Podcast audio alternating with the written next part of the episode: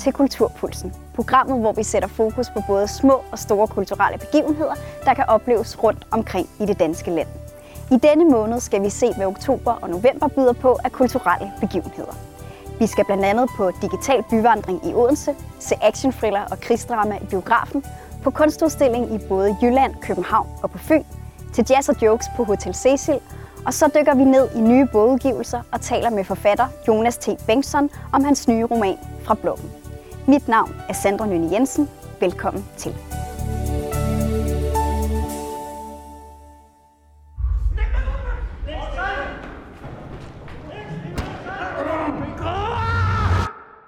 Vi starter ud med at tage en tur i biografen, hvor det danske actiondrama Shorta nu kan opleves over hele landet. Filmen er instrueret af den debuterende instruktørduo Anders Ølholm og Frederik Louis Hvid. Shorta er det arabiske ord for politi, og i filmen følger vi de to betjente, Mike og Jens, der er på rutinepatrulje i ghettoen Svalegården. Jakob Lohmann spiller den erfarne, men brutale politimand Mike. Overfor ham er Simon Sears den moralsk splittede betjent Jens. Den 19-årige Talib Ben Hassi er død i politiets varetægt, og hvad der helt nøjagtigt er sket, henstår i det uvisse. De to betjente, Mike og Jens, opholder sig i ghettoen Svalegården, da nyheden om Talibs død kommer.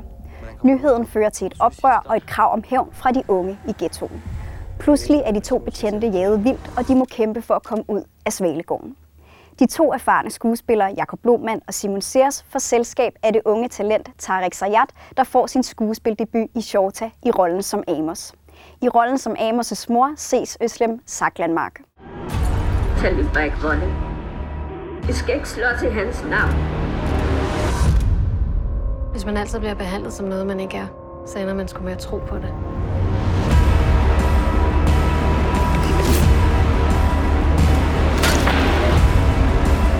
Hvor er min søn?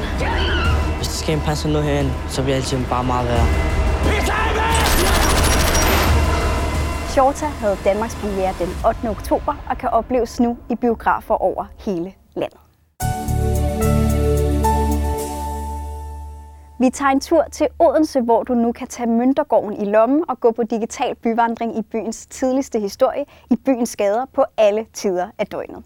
Det eneste, du skal gøre, er at downloade Museum-appen, og så kan du tage historien med ud i byen og få tingenes historie der, hvor de er fundet. På byvandringen får du viden om byens tidligste historie, som ligger skjult under fødderne på os. Undervejs kommer du forbi de steder, hvor man har fundet spor fra den tidlige by og genstande, som man kan se i Møntergårdens udstilling. Digital byvandring i Odense er tilgængelig nu via appen Museum, der kan downloades til både Android og iOS.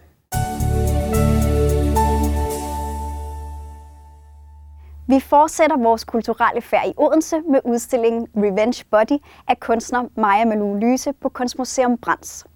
Begrebet Revenge Body stammer fra amerikanske slæderblade, hvor det oprindeligt blev brugt til at beskrive kendte personers kroppe, der efter et endt forhold hævner sig på for eksempel ekskæresten ved at gennemgå en ekstrem udsigtsmæssig transformation. Begrebet er et produkt af en popkultur, hvor kroppen konstant er på udstilling og overvåges af et medieret blik. Maja Malou Lyse er interesseret i opgøret med vores tillærte forestilling om seksualitet som værende fri og naturlig, da vores begær altid vil være formet under indflydelse af den tid, kultur og økonomi, vi vokser op i. Et gennemgående tema i udstillingen er forholdet mellem sex og sprog. I udstillingen arbejder Maja Malou Lyse med at skabe et på en og samme tid poetisk og humoristisk formsprog til at fremkalde nye narrativer og betydning ved at ændre den kontekst, ordene oprindeligt er blevet forstået i. Denne nye forståelse af det seksuelle sprog opleves og uddybes i udstillingens forskellige værker. Udstillingen Revenge Body af Maja Malou Lyse åbnede den 2. oktober og kan opleves helt frem til den 7. februar på Kunstmuseum Brands i Odense. Fra performativ udstilling i Odense tager vi springet til bøgernes verden. Forfatter Jonas T. Bengtsson, der er kendt for bøgerne Aminas breve og Submarino, er nu klar med en ny roman fra bloggen. Danny, Malik og Christian er alle tre vokset op i den samme betonblok i Københavns Nordvestkvarter. De var engang bedste venner, men mens Danny kun er blevet mere kriminel, har Christian og Malik skiftet spor. Christian er blevet politimand og villaejer med kone og børn i Kastrup, og Malik læser til tandlæge og hjælper til i sin fars restaurant. Danny sidder inde på 6. år efter en voldsdom, da han meget uventet bliver prøveløsladt.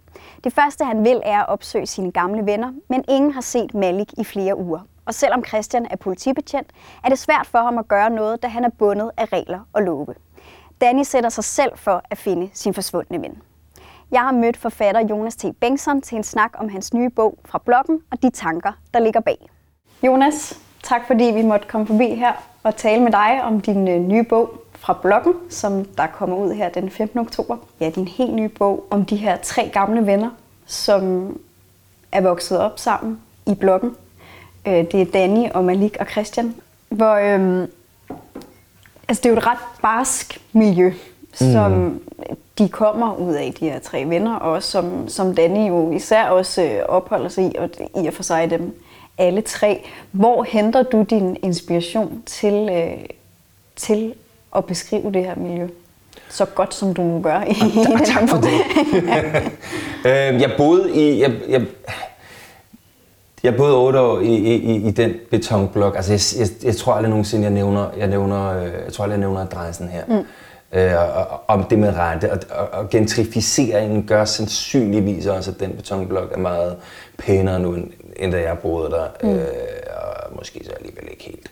Men, men jeg boede, efter jeg blev skilt, så skulle jeg få et sted at bo øh, hurtigt. Jeg havde en lille dreng. Øh, som jeg havde halvdelen af tiden, eller måske lidt mere lige der i begyndelsen, så, jeg skulle, så jeg skulle have et sted at bo. Og jeg boede i forvejen i Nordvest, i den anden ende af Nordvest, øh, Københavns Nordvestkvarter. Og det sted, jeg så kunne flytte ind, var en toværelses på syvende sal i en betonblok. Øhm, så så en, en, en del af researchen er kommet fra, som jeg bare bor der i otte år. Øh, og for interessen for, hvordan det skal også siges, at jeg laver... Til alle mine bøger har jeg egentlig lavet en del research, som jeg egentlig prøver ikke at, jeg prøver ikke at snakke for meget om, fordi at, at nogle gange, hvis man laver research blandt mennesker, der ikke har lyst til det, de foretager sig, mm. fordi det kriminelt kommer ud, så, så er min indgang er at sige, at jeg anonymiserer, jeg siger ikke, øh, hvem og hvor eller hvad jeg har noget fra, øh, og meget af tiden lader jeg bare, som om det er fiktion. Fordi hvis jeg hvis det lød som om jeg var journalist, så ville de øh, bare smide mig, øh, smide mig på porten. Så, så, så en del af det er, er, er rigtig fornuftig research, men, men, men kernen eller hjertet i det er sgu at bo i en betonblok og tænke, jeg er en turist her, det er fint nok. Øhm, det er lidt hårdt det her, og jeg skal prøve at få det til at fremstå mindre hårdt for min knæk på, på 3-4, men, men, men det er fint nok. Men hvordan, hvordan fanden var min mentalitet blevet, hvis jeg var vokset op lige her? Fordi jeg, jeg er fuldstændig overbevist om, at vores idé om, hvad der er rigtigt og forkert, ikke kommer særlig meget af vores... Det kommer på, at man definerer samfundet, men jeg er ret sikker på, at, at, at, at hverken skolelærer eller, eller velmenende politikere eller sagsbehandlere, øh, socialpædagoger, er særlig meget med til at forme vores, vores værdigrundlag. Jeg er ret sikker på, at det egentlig kommer af vores umiddelbare nærmiljø. Og hvis du har fem betonblokke, hvis eneste udgang er, er, er hullet til parkeringspladsen, fordi alt andet er, er hegnet ind. Så du er, ikke engang, du er næsten ikke engang en del af Nordvest, fordi din eneste kontaktflade er det samme sted, som biler kommer ind og ud. Øhm, så kan det godt være, at du teknisk set bor i København, men gør du nu også egentlig det? Min tanke er, at, at, at, at den her blok, på godt og ondt, former de her tre drenge, former hovedpersonen, øh, og venskaber former os. Et, et, et værdisæt. De her karakterer, er det nogen, som du øh, så føler, at du har mødt selv? Er det nogle, er det nogle personer, som, altså ikke personen, personen, men, men er, det nogle, er det nogle værdier, du har altså, set? Alt hvad, jeg skriver, alt, hvad jeg skriver, er baseret på at have sådan en mærkelig sammensurium af mennesker, jeg har mødt, øh, mennesker, jeg kender, og ting, jeg prøver at finde i mig selv, fordi jeg skal kunne finde dele af dem, og ret store dele af dem, øh, i mig selv, før jeg, før, før jeg kan skrive det. Hele den der med, hvordan ville han så gøre det der. Hvis jeg, hvis jeg når jeg er ved at være færdig med bogen, ikke kan, ikke kan mærke og, og, og føle nøjagtigt, hvordan en af mine karakterer vil reagere i en bestemt situation, så har jeg, så er jeg gået øh, fuldstændig galt i byen. Ja, ja. Jeg tænker, om du måske vil læse en lille smule op for bogen, så vi kan få et, øh, et indtryk af, hvem Danny er. Det Jeg ved, jeg ved på øh, side 79, der er der i hvert fald et, øh, et lille fint stykke, hvor han... Øh, ja, jeg synes, det giver et meget fint billede. Dit dumme svin, siger Danny. Han sidder på trappestenen foran birkely og ryger cigaretter.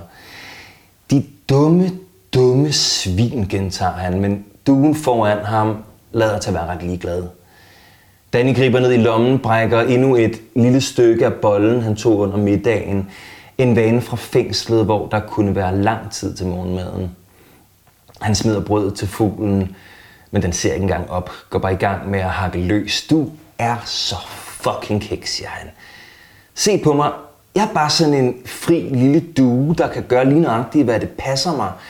Spise bolle og flyve en tur med min lille duepik. Han tager et hiv på cigaretten. Klokken er et par minutter i ni. Altså jeg på, at jeg ikke har lyst til at blive låst inde sammen med en masse narkomaner. Jeg, jeg bytter gerne. Han smider resten af bollen til fuglen. Skodder cigaretten og skal til at rejse sig, da han ser en blå Ford Focus dreje ned ad gaden. Bilen gasser op. En hånd kommer ud af vinduet og smækker en sirene på taget. De næste 50 meter bliver kørt med blå blink og udrykning. Bilen standser foran Danny med hvilende dæk. Christian stiger ud. For helvede, siger Christian og hiver Danny ind i et kram. For helvede.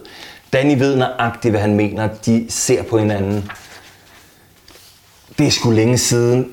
Christian er blevet større. Det lidt skræmte blik, han havde i øjnene er væk. Han er blevet en, en voksen mand. Han må have løftet nogle vægte, flyttet med en steroidkur, eller måske er maden bare bedre på den her side af murene. Lad os køre en tur, siger Christian. Jeg må ikke forlade stedet efter ni, siger Danny, uden at møde sin vens blik. Du må ikke hvad? Udgangsforbud, siger Danny. Christian går hen til dørtelefonen, placerer en finger på knappen, holder den der ind til hele huset må have hørt dem. Birkely er der nogen, der siger i den anden ende. Det er politiet, siger Christian, og lyder nøjagtigt som en betjent. Skal jeg holde der? Ja. Fra bloggen af Jonas T. Bengtsson udkommer på Politikens forlag den 15. oktober. Vi bliver ved bøgerne. Den 5. oktober udkom ordbogen Alle Gamer. Sproget for gamingverdenen har fundet vej ud i vores hverdag, og med en tredjedel af verdens befolkning, der gamer, er det mere relevant end nogensinde at få samling på de mest essentielle ord. Derfor er talkshowvært og kulturjournalist Sara Frost og forfatter Tobias Kardang gået sammen om bogprojektet Alle Gamer, ordbogen. Heri belyser de gamingkulturens sprogunivers og tager gamingens indflydelse og potentialer seriøst på lige fod med andre kulturelle genrer. Ordbogen indeholder beskrivelser af mere end 400 ord med både oprindelse, betydning og eksempler. Helt nye ord, men også ord, der igennem gaming har fået en anden betydning. Alle Gamer, ordbogen af Sara Frost og Tobias Kardang, udkom den 5. oktober på forlaget Grønningen 1.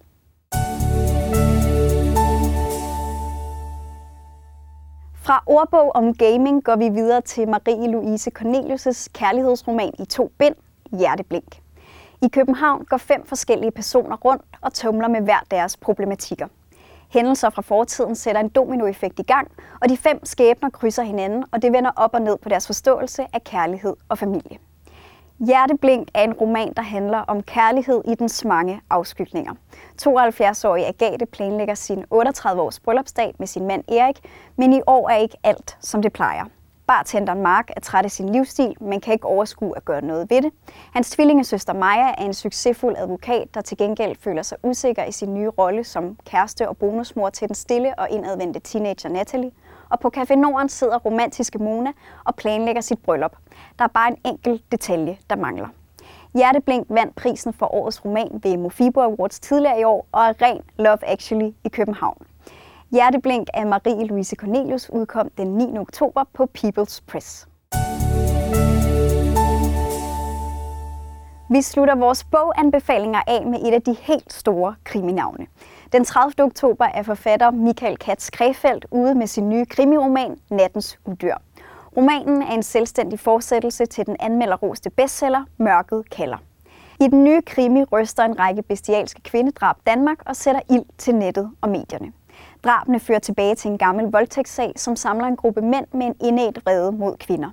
I sin efterforskning kommer politikommissær Cecilie Mars på sporet af et hemmeligt selskab, og hun opdager hurtigt, at loven ikke rækker, hvis hun skal stoppe gerningsmændene. Men hendes kontante og kompromilløse stil skaber hurtigt nye fjender. Både i politiets ledelse og hjemme i Nordvest, hvor bandekrigen raser, og Cecilie selv er under mistanke for drab.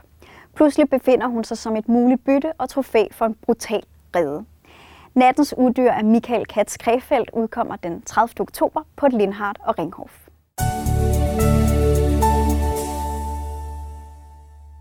Nu skal vi igen på udstilling, men denne gang i København, hvor udstillingen Ghost House omdanner den frie udstillingsbygning til et spøgelsestog.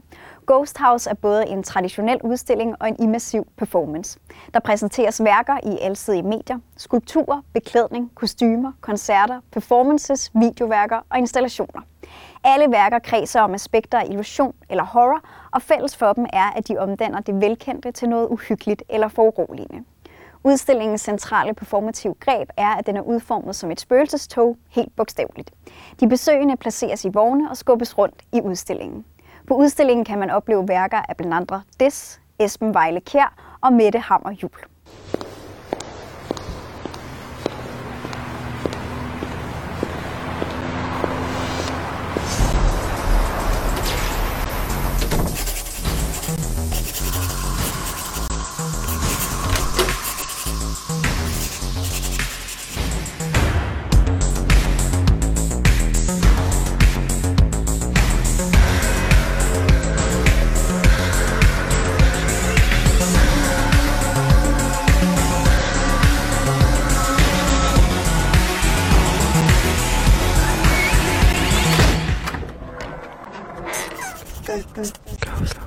Ghost House.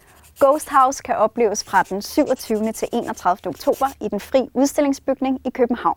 Billetter skal købes på forhånd.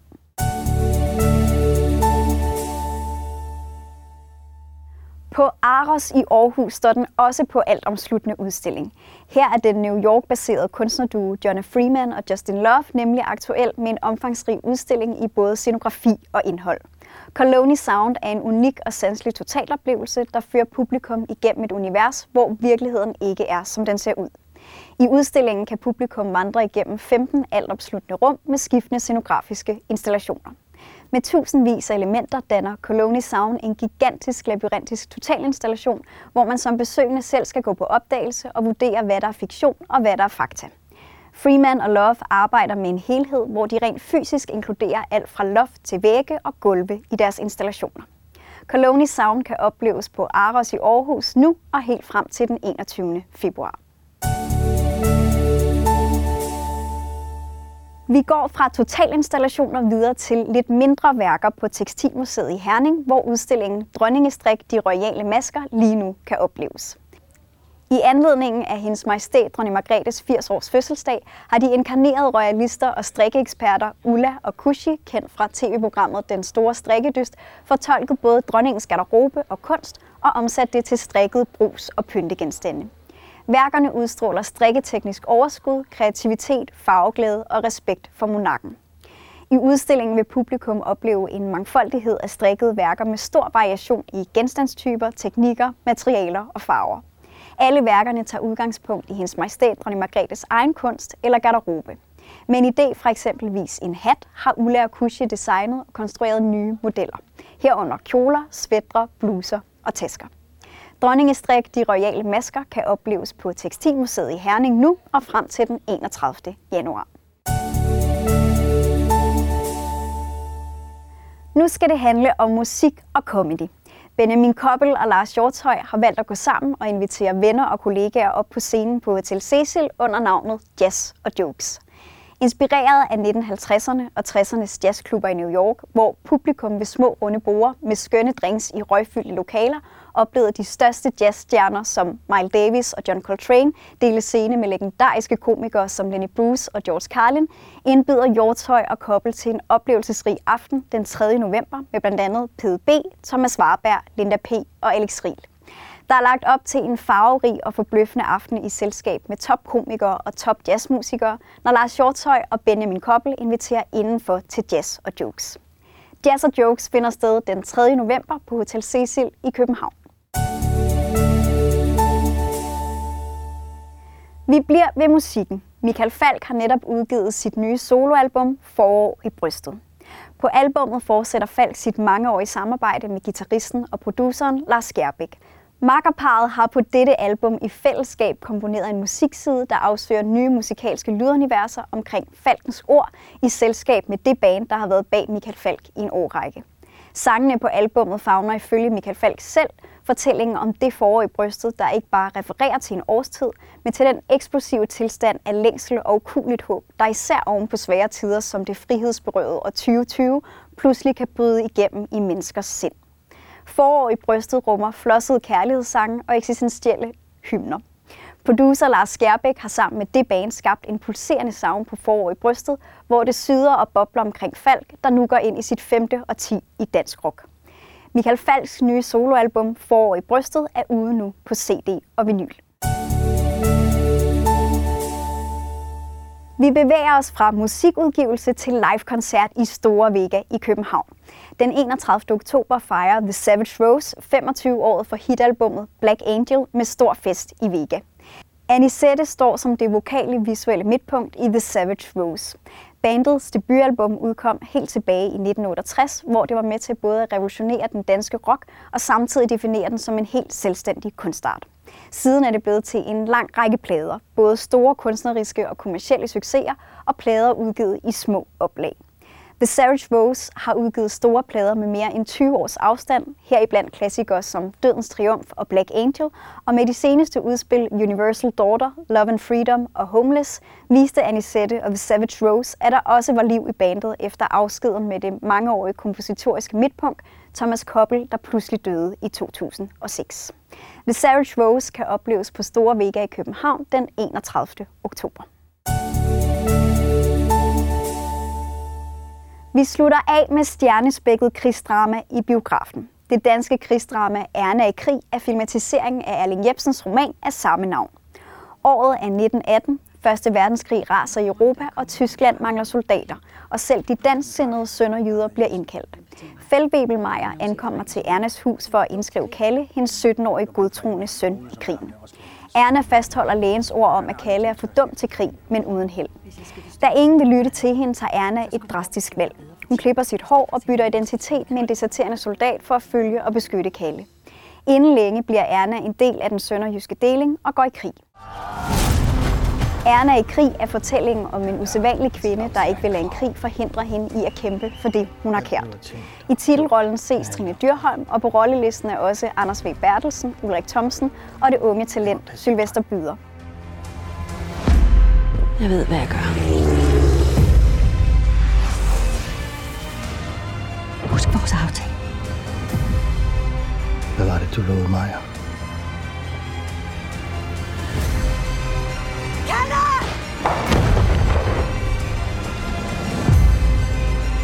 Vi er soldater.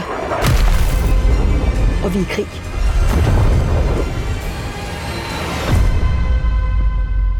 Bare indtil jeg får kalde med hjem. Erna i krig kan ses i biografer over hele landet fra den 29. oktober. Det var, hvad vi havde på programmet i denne udgave af Kulturpulsen. Se med næste måned, når vi igen tager pulsen på kulturen og er klar med nye anbefalinger til små og store kulturelle begivenheder i hele landet. Vi ses!